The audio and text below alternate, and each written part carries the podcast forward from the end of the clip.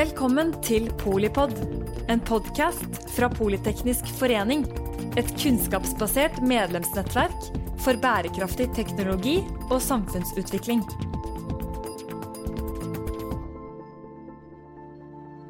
til Full sirkel av Polipod. Dette er podkasten som gir overblikk og dypdykk i tema innen sirkulær økonomi for både mannen i gaten og den mer erfarne bransjeeksperten. Vi har lovet å belyse sirkulærøkonomien fra ulike innfallsvinkler, og vil gi deg en relevant samtalearena for temaer som engasjerer. Og I dag skal det handle om alt som telles, nemlig det som kan regnes for å være næringslivets viktigste språk. For Den sirkulære økonomien den endrer ikke bare hvordan vi utvinner, foredler og forbruker ressurser. Det utfordrer jo også økonomiske og finansielle strukturer, rammebetingelser og regelverk i samfunnet. Et bærekraftig samfunn tilsier at vi klarer å bli fire til ti ganger mer ressurseffektive enn vi er i dag.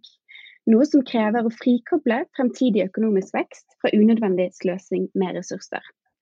I denne episoden skal vi snakke om hvilken betydning det sirkulære tankesettet kan ha for omstilling av økonomien, og hvordan forretningsmodellinnovasjon i næringslivet kan drive denne utviklingen fremover. Hvilke utfordringer har vi i dag på økonomi og regelverk som holder oss til den lineære modellen? Og hvilken rolle spiller økonomene i omlegging til sirkulære forretningsmodeller? I dag er jeg så heldig å ha med meg to fantastiske deltakere som mener litt om dette spennende temaet. Jeg har nemlig med meg Marie Storli, leder av Rethinking Economics Norge. Og Marie er utdannet samfunnsøkonom fra UiO, med spesialisering innen miljøteknologi og klimamodeller. Og til daglig jobber Marie som konsulent, skribent og foredragsholder. Ikke minst har jeg også med meg Kristine Lundberg Larsen, administrerende direktør i Regnskaps-Norge. Hun er initiativtaker og leder arbeidet i verdens første sirkulære regnskapsklynge. Og Kristine er også engasjert i flere internasjonale prosjekter knyttet til regnskap og bærekraft, og er også pådriveren i arbeidet for å utvikle nordisk standard for SMBs bærekraftsrapportering. Velkommen både til Kristine og, eh, og, Marie. Og For oss eh, ikke-økonomer så ønsker jeg da å begynne dagens eh, episode med et litt åpenbart og sentralt spørsmål for, for samtalen. Og det er hvorfor burde flere egentlig bry seg om økonomifaget når vi snakker om eh, sirkulær økonomi, eh, Kristine. Kan du tydeliggjøre noen av de mest fundamentale sammenhengene som gjør det til et viktig tema? Ja, takk for et godt spørsmål. Og jeg kan jo begynne litt sånn overordnet, som du var inne på i din innledning i dag. Og det er jo at det som ikke telles, det teller ikke. Og eh, det er det som telles, og som vi dokumenterer og rapporterer, som vi forholder oss til når vi skal ta beslutninger i forhold til et selskap. Og for at det skal skje et reelt grønt skifte og en reell omstilling til en sirkulær økonomi, så begynner jo det med forretningsmodellen og strategien til virksomheten. Og når vi innoverer i forretningsmodellen, altså hvordan vi skaper, leverer og bevarer verdi, så får det direkte konsekvenser for hvordan vi gjør bokføringen og økonomistyringen. Det henger veldig tett sammen. Og eh, hvordan vi rapporterer og forholder oss til det som virksomheten skaper av verdi. Og så krever det også eh, nye finansieringsløsninger. Fordi at i den omstillingen fra en lineær at vi utvinner, bruker og kaster, til en sirkulær hvor vi utvinner, bruker og gjenbruker, reparerer osv. Og, så og så tar vare på materialene modell, mm. så eh, blir forretningsmodellen eh, radikalt annerledes. Og det passer ikke inn nødvendigvis i de tradisjonelle f.eks. kredittvurderingsmodellene. Fordi at det, det er annerledes skrudd sammen. Og det er også en tettere samarbeid utover egen virksomhet. Det er en større verdikjede. Så det er jo også flere som tar til orde for at man må se hele verdikjeden, hele sirkelen under ett. da. Så mm. her er det jo masse vi kan dykke ned i, men sånn veldig For å prøve å si en sånn kort oppsummering, så, så er det at eh, regnskapet det er jo på den ene siden en historiefortelling om hvor selskapet er på vei, og, hva, og hvor de er på vei hen mot målet sitt. Samtidig som det er historiske data, så er det også et rammeverk som påvirker hvordan vi tolker og forstår virkeligheten av den økonomiske aktiviteten. Så det henger så tett sammen med vi Hvordan vi bokfører og styrer økonomien, og hva vi skal få til i businessen. Ikke sant. Og det som er veldig spennende for meg da, som samfunnsøkonom, som jo ikke kun så mye om, om, regnskap helt til jeg leste en bok som heter Six Capital, som er skrevet av Jane Gleason White, eh, som tar for seg regnskapets historie. Bare for å knytte litt til det Kristine sier, om at det er historien til bedriften. Men for meg så oppdaga jeg jo plutselig da at regnskapets historie på mange måter også er historien om den moderne økonomien. da. Eh, man kan kalle det liksom industriøkonomien, eller kanskje den er postindustrialisert. Men, men det, det systemet som har vokst frem, og det som eh, White eh, startet denne boka med, og som jo var veldig overraskende for meg, det er at de prinsippene som regnskapsføring eh, er bygd på, da, eh, stort sett er uenda fra 1400-tallet og frem til i dag, eh, med Luca Pacioli sin lille håndbok på hvordan man skal skrive regnskap, som, som man sier at mange av de prinsippene som han skriver om da, fortsatt eh, gjør seg gjeldende i dag. Men det er jo veldig lite annet i økonomien som eh, ligner på 1400-tallet. Og stort sett alt det andre har forandra seg, da. Uh, men dette her er regnskapsprinsippet, det vi kaller balanseregnskap med debit og kreditt, um, er sånn som um, man i ettertid tenker er det som legger grunnlaget for den industrielle revolusjonen Altså det at du balansefører på den måten, handler om å, synliggjøre kapital. Og det gjør at man tar sikte på å akkumulere mer kapital. Og selvfølgelig den typen kapital som regnskapet um, viser frem, da. Eller, eller fører, altså teller. Uh, og den kapitalakkumulasjonen som starter da over tid, er det som legger grunnlaget for den store industrialiseringa som kommer uh, senere på 1800-tallet. da. Og det er jo en fantastisk historie om måte, hvordan dette her vekstmaskineriet har, har skutt fart, med de egentlig enkle prinsippene som regnskapet gir. Eh, og så er det selvfølgelig sånn at industrisamfunnet i, i, dag møter på noen andre utfordringer. Og hvis vi skal løse de, så er det nærliggende å tenke at man må, man må endre på noen ting i de eh, regnskapsprogrammene, da, eller regnskapsreglene. Så det er jo veldig sånn ja, Og bare for å følge opp eh, det, nå er vi i gang i dag. ja. ja, ja, ja, men det er kjempebra, det. Det er bare å putte på en tier. ja, det trenger bare en femkroner, tror jeg, så er vi, så er vi Men for å følge opp det Marie sier, da, så er det helt riktig. Eh, det er et veldig tydelig eksempel på hvordan ting vi egentlig ikke tenker på er så viktig, hvordan det rammer inn og gir et rammeverk for hvordan vi forstår verden. Og akkurat det at vi fikk debet og kreditt i det verket Summa 1494 har jo formet den formen for kapitalisme vi har i vår del av verden. Og så er det som Marie så, så, sier, så, så, er det fortsatt de prinsippene vi styrer etter i dag. At den enes gjeld er en annens eiendel, f.eks. Debet og kreditt. Og så kom jo den industrielle revolusjonen.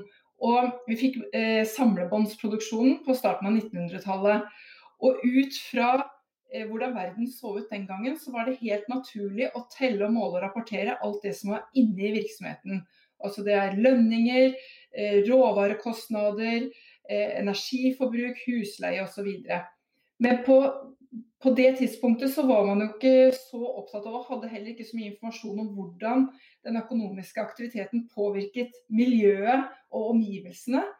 Mens det vet vi jo så mye mer om i dag. For det er ingen virksomhet som er eksisterer isolert for seg selv. Alle virksomheter samhandler med omgivelsene sine. Både biomangfold, forurensning til vann og luft, bruk av naturressurser og ikke minst menneskene. Både de som jobber i virksomheten og de som forholder seg til virksomheten. Og det vi ser er at Regnskapsfaget hadde en utvikling da på starten av 1900-tallet ved å ta inn opp i seg disse faktorene som kom med masseproduksjonen. Men så har ikke tatt opp i seg det nye på hvordan vi samhandler og har, gjør eh, forretning og business i dag. Og det har heller ikke tatt opp i seg det vi vet nå i dag med hvordan vi påvirker omgivelsene.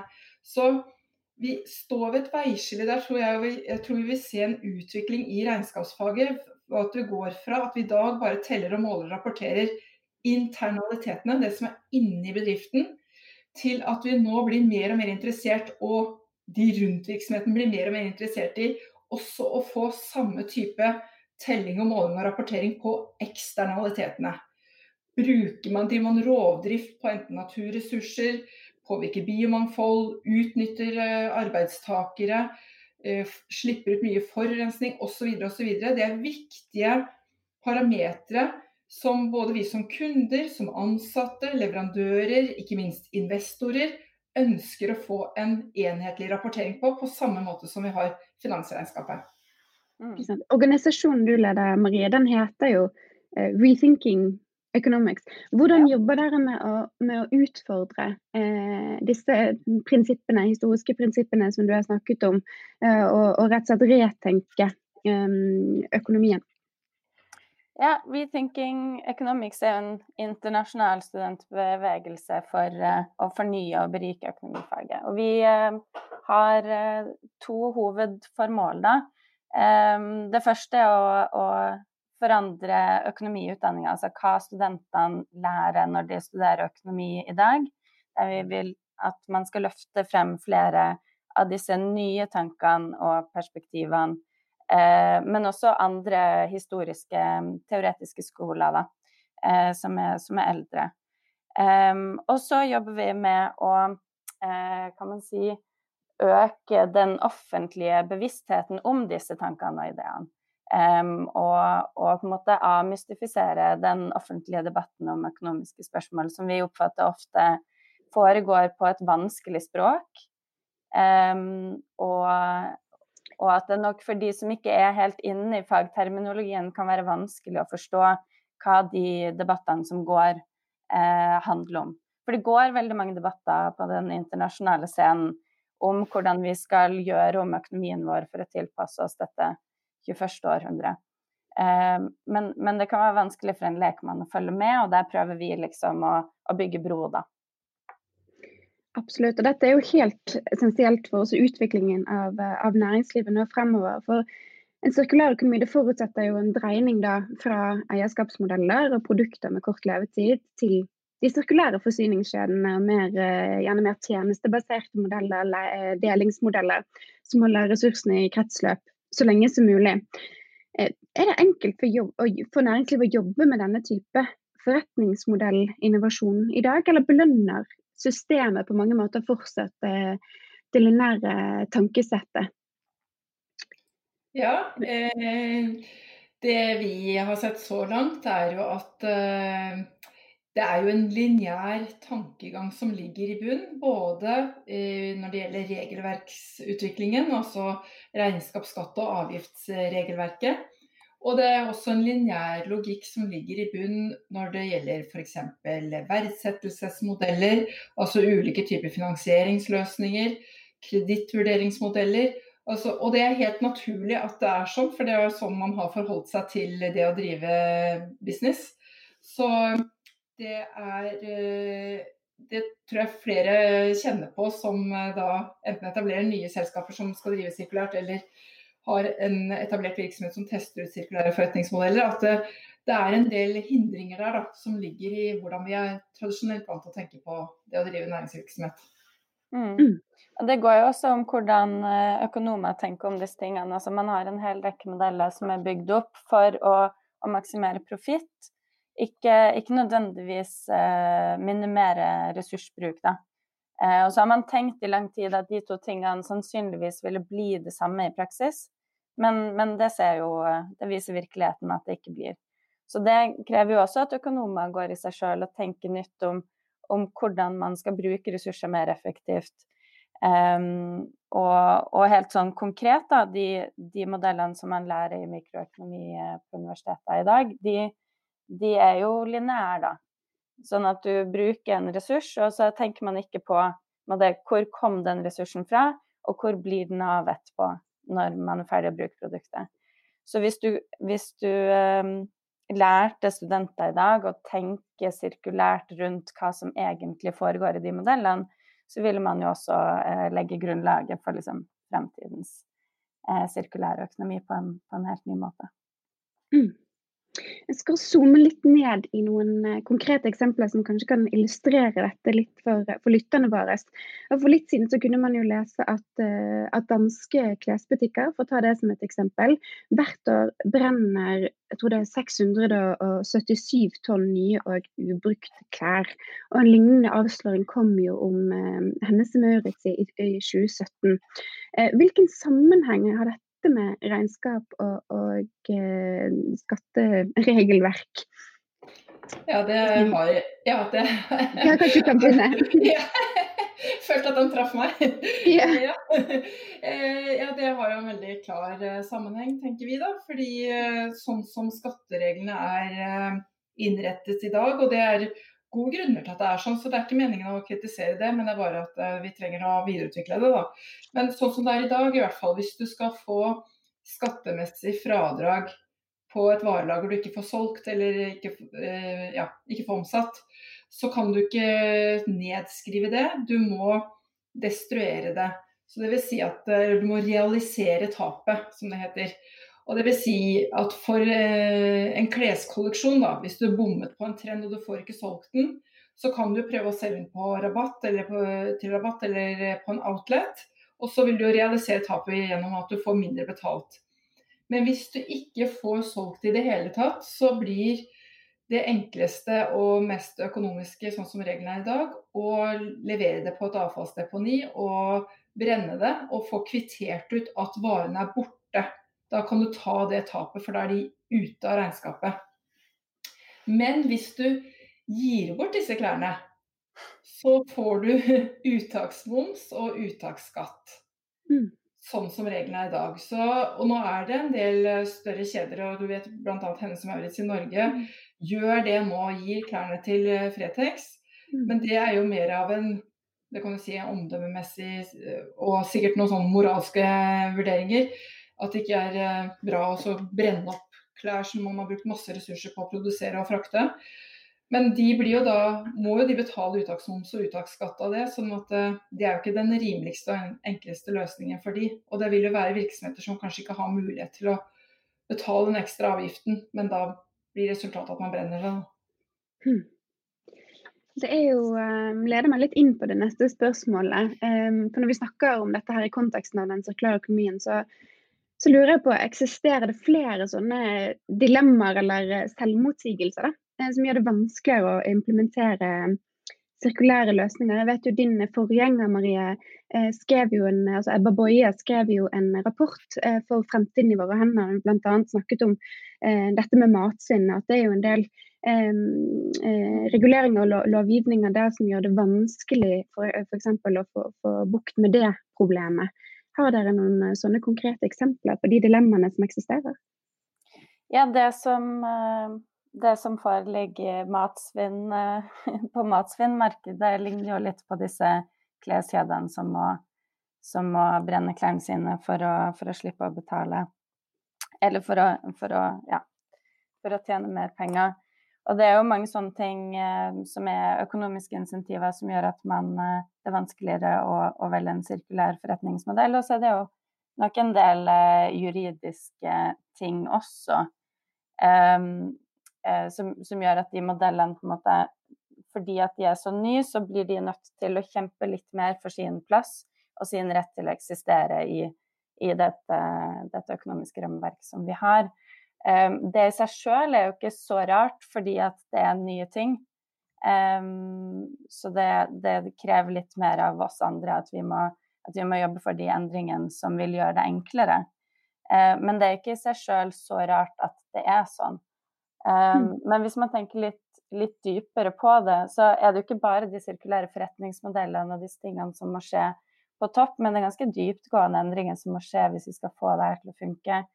Um, fordi én ting er at bedrifter um, insentiveres til å hele tida vokse og, og sånt, men, men, det er jo ikke i seg sjøl sånn at sirkulær økonomi betyr at man ikke kan vokse. Men det vil si at man blir nødt til å prøve å nyttiggjøre seg avfall fra altså sitt eget avfall eller, eller avfall fra andre, andre, næringer på en bedre måte. Men det vi har, og sånn pleier jeg å tenke at liksom, det 20. århundre var det århundret da eh, arbeidskrafta fikk sine rettigheter og på mange måter økte i pris. I hvert fall arbeidskraften i vår del av verden eh, er relativt dyr i forhold til andre ting. Dette gjør at det er billigere å hente ut eh, ressurser, nye ressurser, i stedet for å foredle de eller resirkulere de eller ombruke de på andre måter. Um, og det er jo et kjempedilemma for sånne som meg, som ikke har lyst til å si at uh, arbeidere bør få mindre betalt, men, men, det er et eller annet i den relative prisen her mellom arbeidskraft og, og naturressurs som dessverre um, ser ut som at det ikke er så fryktelig bra. Da må enten den prisen, uh, den relative prisen på naturressurser øke, eller så må man få bedre lovgivning på på nettopp da eh, ressursuthentning fra naturen. Ja, Hvis jeg kan bare kommentere på akkurat det siste Marie sa der, så er det jo sånn at vi står i et skifte hvor vi har gått fra et fokus på arbeidseffektivitet, fordi at eh, hvis vi spoler tilbake da, til starten av 1900-tallet, så var det få mennesker på jorda. Og mm. naturressursene fremstår jo som uendelige. Og mm. Det var derfor man skapte samlebåndsproduksjonen, fordi at eh, man skulle utnytte hver, eh, hver arbeidstaker eh, mest mulig effektivt. Mm. Mens nå er vi jo mange nok mennesker på jorda, det er ikke det som er utfordringen. Vi er, men vi holder på å gå tom for en del viktige naturressurser og viktige metaller som er helt avgjørende for å klare å f.eks. elektrifisere samfunnet. Sånn at vi, fokuset skifter fra arbeidseffektivitet til ressurseffektivitet. Så, og jeg er helt enig med det du sier, Marie, at kostnadene kommer til å bli høyere på naturressursene etter hvert som det blir mindre igjen av det. Det er jo sånn markedet fungerer. Mm. Men utfordringen er at hvis vi skal vente på at det skjer av seg selv, så har allerede den eh, globale gjennomsnittstemperaturen økt to-tre grader. sånn at det er jo det vi forsøker med den å akselerere omstillingen til et sirkulært samfunn er jo å gjøre det skiftet før. Sånn at vi tar vare på naturressursene og produserer på en bedre, mer hensiktsmessig måte. Og jeg tenker at det er fullt mulig å ha økonomisk vekst, fordi at alternativet er så dårlig. fordi ja, Man kan kritisere er det vekst det eneste, og hva er vekst? Det kan man også filosofere mye rundt. Men det er nå engang sånn at eh, hvis vi får eh, nedgang økonomisk nedgang, så er det for det første at det går utover de svake gruppene først. Alltid når det blir eh, økonomisk stagnasjon. Og så får man mindre penger til å ha, drive med velferd osv. Så, videre. så jeg tenker at det der at vi har økonomisk vekst, det, det er en viktig sånn grunnforutsetning. Men at vi kan gjøre det på en smartere måte ved at vi ikke sløser sånn med ressursene som vi gjør i dag. Så, og det er det som er hele tanken rundt i den sirkulære modellen at vi har økonomisk vekst. Vi sysselsetter mange mennesker, for det krever mer arbeidskraft. Og så tar vi vare på naturressursene, og det gjør at vi slipper ut mindre fordi at vi ikke kaster de. Og så får vi brukt de i flere runder, og det gir også mye mindre CO2-utslipp. Forbrukerrådet hadde i eh, rapporten fra 2017 Grønt forbruker jeg husker ikke hva den het, men i hvert fall det var en rapport, rapport som kom fra Forbrukerombudet, um, uh, hvor de da peker på at 80% av det klimautslippene vi som forbrukere bidrar til, det kommer fra produksjon av varer vi kjøper. Og Hvis vi kan gjøre det på en smartere måte ved at vi gjenbruker, reparerer, deler eh, osv., så, videre, så eh, har vi et kjempestort bidrag fra oss forbrukere til eh, å redusere klimagassutslippene. Ja, helt klart. Og nå, nå, befinner vi oss på øyeblikket, eh, midt i, i hvert fall jeg som sitter her i Oslo, i en eh, global eh, pandemi. Ikke sant? Det er en situasjon som på mange måter har jo synliggjort, synliggjort sårbarheten med desentraliserte verdikjeder og en global linær økonomi. Og Marie leste et veldig engasjerende innlegg fra deg i, i Harvest, hvor du har skrevet at korona det kan jo også være en, en klimakur og en muliggjører for en, en, sirkulær omstilling i Norge. Um, nå har du vært litt inne på dette, men, men, på hvilken måte tenker du at vi må tenke nytt rundt hvordan økonomien vår uh, fungerer, hvordan vi skal komme bort fra denne extractivist mindset? Altså, jeg er jo uh, Det er klart at uh, koronapandemien er en, en tragedie for, for, menneskeheten, og dessuten jo flere arter som ser ut til å la seg smitte av dette viruset. Men det man må huske, er at det er et slags sånn hellig uhell med at dette kommer nå. Eh, på den måten at vi har du veldig mye ledige ressurser i økonomien. Eh, vi har historisk lave rente, som gjør at penger i, i, prinsippet er gratis. Samtidig som vi står overfor den enorme utfordringen det er å omstille økonomien eh, til eh, økologisk og sosial bærekraft. Og de to tingene sammen gjør at vi har en kjempemulighet. Der det hadde vært vanskeligere å investere i grønn infrastruktur bare for noen år siden fordi presset i økonomien var mye større, så kan vi nå tillate oss å gjøre det. Men det, det fordrer at vi tenker nytt om eh, noen andre eh, verktøy som man har for å styre økonomien, og da særlig penge- og finanspolitikken. Um, ikke at det er viktigere enn det som skjer på regnskapsfronten, men det er litt forskjellige ting. Um, og akkurat nå så har man et handlingsrom der. Um, så det, det, jeg tror man bør gjøre helt strategisk, er å, å styre pengestrømmen og kredittskapinga i retning grønne investeringer. At man mm. setter opp uh, statlige investeringsfond eller investeringsbanker som har det som formål å investere i den grønne økonomien, og som jo kan gi lån til nye sirkulære bedrifter, f.eks. Um, mm. så det, det, er liksom det store, den store muligheten vi har nå. Så bl.a. At, eh, at Virke under Arendalsuken foreslo en, en grønn eh, skattekommisjon. Kristine, du som, eh, som leder den sirkulære regnskapsklyngen. Kan du gi noen eksempler fra, fra andre land som har tatt inn over seg altså reform av skatt, regnskap og finansielle systemer? Vi har jo en, en ledestjerne på det europeiske eh, kontinentet i, i, EU. Men er det andre eh, enkeltnasjoner som, eh, som har gjort ting som kan være inspirasjon til etterfølgelse for oss? Ja, nå tenker jeg det skjer utrolig mye i EU som kan være til inspirasjon. Og en del kommer jo også til oss både gjennom EØS-avtalen og gjennom at 80 eh, av det vi eksporterer og 60% av det vi importerer er til og fra EU. Eh, e Så vi blir jo stor grad påvirket av hva som skjer der. Og jeg blir veldig oppløftet når jeg ser på eh, New Green Deal, EUs taksonomi og den tiltakspakken for å gjenreise økonomien etter korona, så er jo den eh, veldig sånn konkret vridd i en grønn retning. Så der tenker jeg det er masse å la seg inspirere av. Når det gjelder um, skatter og moms osv., så, videre, så er det klart at vi er, lever i en del av verden hvor vi har høye lønninger, og der vi er høykostland. Sånn at uh, det, der er det ofte rimeligere å kjøpe nytt enn å reparere. Så to av våre naboland, Sverige og Finland, har for å bøte på det, Eh, innført halv moms på reparasjoner av forbruksvarer. Og Det tenker jeg at vi kan la oss inspirere av. fordi mm. Da kan du si da får staten mindre inntekter ved at de får halv moms, men det vil jo generere masse arbeidsplasser, for noen skal gjøre disse reparasjonene.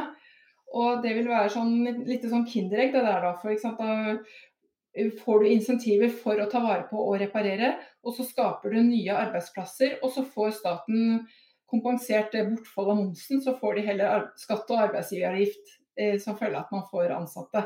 Sånn at, eh, men da blir det billigere for forbrukeren og mer logisk å reparere enn å kaste det og kjøpe nytt. Da.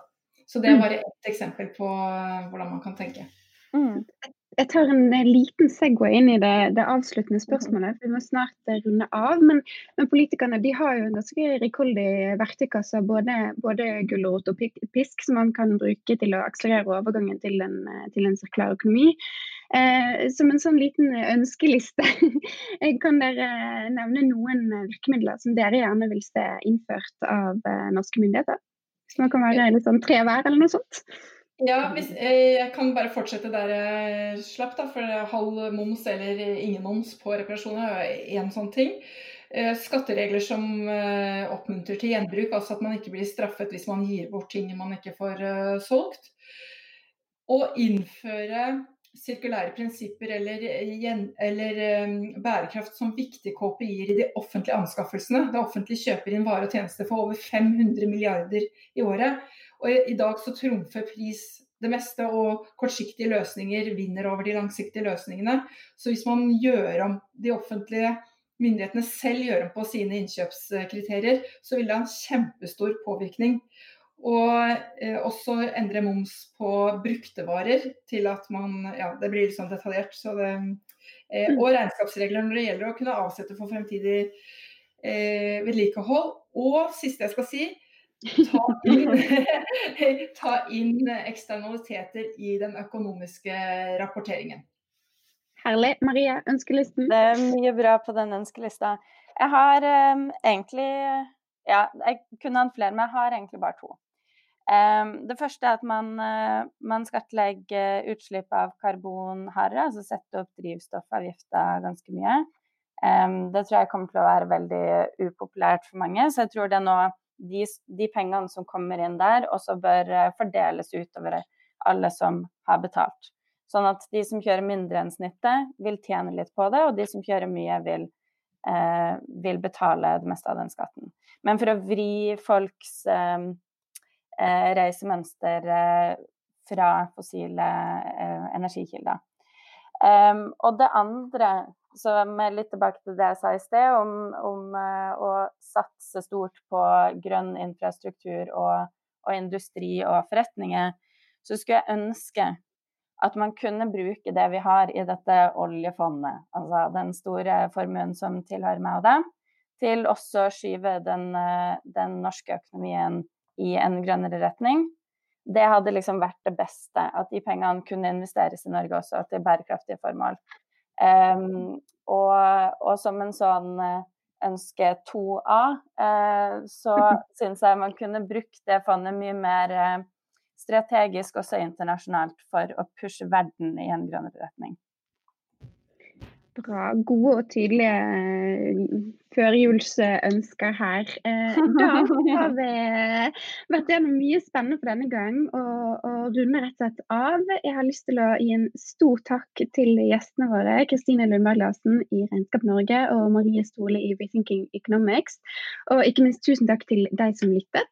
Du finner denne og andre episoder av Full sirkel-serien under podkasten Polypod på både Spotify og iTunes. Og ikke glem å følge Politeknisk forening for innsikt og inspirasjon om bærekraftig teknologi og samfunnsutvikling. Ha det bra! Takk for at du lyttet til Polipod fra Politeknisk forening. Få med deg flere episoder, eller bli med på nettverksmøtene som du finner på at polyteknisk.